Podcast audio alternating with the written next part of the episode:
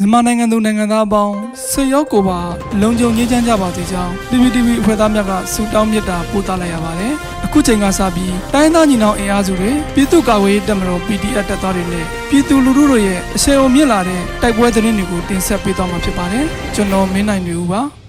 ။ပထမဆုံးအနေနဲ့ဖဲကုံတွင်ယနေ့နေ့နဲ့ပိုင်းအလဲပိုင်းတိုင်းအထူးစစ်စင်ရေးအဖွဲ့နဲ့ဖိုက်တာအဖွဲ့ကစနိုက်ပါဖြင့်ပစ်ခတ်မှုစစ်သား9ဦးသေဆုံးတဲ့သတင်းတင်ဆက်ပါပါ။ ကင်းဒီပြည်နယ်နဲ့ရှမ်းပြည်နယ်အစပ်ဖဲကုံမြို့နယ်လွယ်မကူတောင်ကုန်းနဲ့လွယ်ဟရွာတို့တွင်တပ်ဆွဲထားတဲ့စစ်တပ်ကိုအလဲပိုင်းတိုင်းအထူးစစ်စင်ရေးစနိုက်ပါအဖွဲ့နဲ့ဖိုက်တာအဖွဲ့တို့ကစနိုက်ပါဖြင့်ပစ်ခတ်ရာစစ်သား9ဦးသေဆုံးကြောင်းအလဲပိုင်းတိုင်းအထူးစစ်စင်ရေးကသတင်းထုတ်ပြန်ပါတယ်။ဇွန်လ23ရက်နေ့ဖဲကုံမြို့နယ်လွယ်မကူတောင်ကုန်းပေါ်တွင်တပ်ဆွဲထားတဲ့စစ်တပ်ကိုအထူးစစ်စင်ရေးအဖွဲ့စနိုက်ပါအဖွဲ့ကပစ်ခတ်တိုက်ခိုက်ခဲ့ရာစစ်သား2ဦးသေဆုံးကြောင်း ဇွန်လ29ရက်နေ့တွင်လည်းဖေကုံမြို့နယ်လဲဟရွာတွင်စစ်တပ်ကိုအထူးစစ်စေးရေးစနိုက်ပါအဖွဲ့နှင့်ဖိုက်တာအဖွဲ့တို့ကပူးပေါင်းတိုက်ခတ်ခဲ့ရာစစ်သား9ဦးသေဆုံးခဲ့ကြောင်းသတင်းထုတ်ပြန်ထားပါတယ်။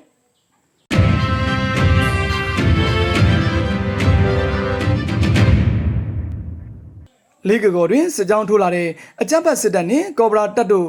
တိုက်ပွဲဖြစ်ပြီးစစ်သား2ဦးသေဆုံးက9ဦးဒဏ်ရာရကော်ဘရာရဲဘော်2ဦးကြာဆုံးတဲ့သတင်းဆက်လက်တင်ဆက်ပါမယ်။ ကရင်အမျိုးသားစီယုံ KNU တပ်မ6ထိန်းချုပ်နေမြေလေးကကော်ဒေသရှိတောင်ကုန်းတစ်ခုပေါ်သို့ဇွန်လ29ရက်ညနေပိုင်းတွင်လက်နက်ကြီးပစ်ကူပြီးနှစ်ကြိမ်စစ်ကြောင်းထိုးတက်လာတဲ့အကြမ်းဖက်စစ်တပ်နှင့်ကော်ဘရာစစ်ကြောင်းတို့တိုက်ပွဲဖြစ်ပွားပြီးစစ်ကောင်စီဘက်မှ2ဦးသေဆုံးက9ဦးဒဏ်ရာရရှိခဲ့ပြီးကော်ဘရာစစ်ကြောင်းဘက်မှလက်နက်ကြီးထိမှန်ကရဲဘော်တအူကြဆုံးခဲ့ကြောင်းသတင်းရရှိပါတယ်။ဇွန်လ29ရက်ညနေ6နာရီတွင်အကြမ်းဖက်စစ်တပ်ဟာ40မမ80မမ120မမစသည့်လက်နက်ကြီးပစ်ကူများဖြင့်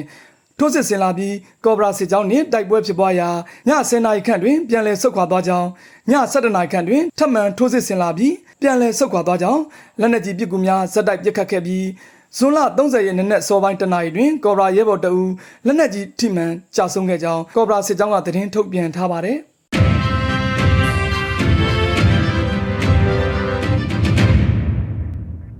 ဆက်လက်ပြီးတင်ဆက်မှာကတော့ ယမန်နေ့ဗမောက်တိုက်ပွဲတွင်စစ်ကောင်စီဘက်မှ20ကျော်သေဆုံးပြီးဖမ်းဆီးရမိတဲ့စစ်သုံးမန်းစစ်သားများကိုစေဝါကုသပေးထားဟု NUG ကထုတ်ပြန်တဲ့သတင်းမှာစကိုင်းတိုင်းကတာခရိုင်ဗမောက်မြို့နယ်တွင်ဇွန်လ30ရက်နေ့ဖြစ်ပွားတဲ့တိုက်ပွဲတွင်စစ်ကောင်စီဘက်မှ20ကျော်သေဆုံးခဲ့ပြီးဖမ်းဆီးရမိသောစစ်သုံးမန်းစစ်သားများကိုကောင်းမွန်စွာစေကုသပေးထားကြောင်းအမျိုးသားညီညွတ်ရေးအစိုးရ NUG ကာကွယ်ရေးဝန်ဌာနကသတင်းထုတ်ပြန်ထားပါတယ်။ ကာကွယ်ရေးဝန်ကြီးဌာနကစစ်တုံးမှန်ဖမ်းဆီးရမိသည့်အယူအတွက်ကိုထုတ်ပြန်ခြင်းမရှိတော့လဲဗမောက်တော်လန်ရေးကွန်ရက်ကယမန်ရများကထုတ်ပြန်ချက်အရအ ਨੇ ဆုံး17ဦးတက်မင်းသောစစ်သားများကိုအရှင်လက်ရဖမ်းဆီးမိထားကြောင်းသိရှိရပါတယ်။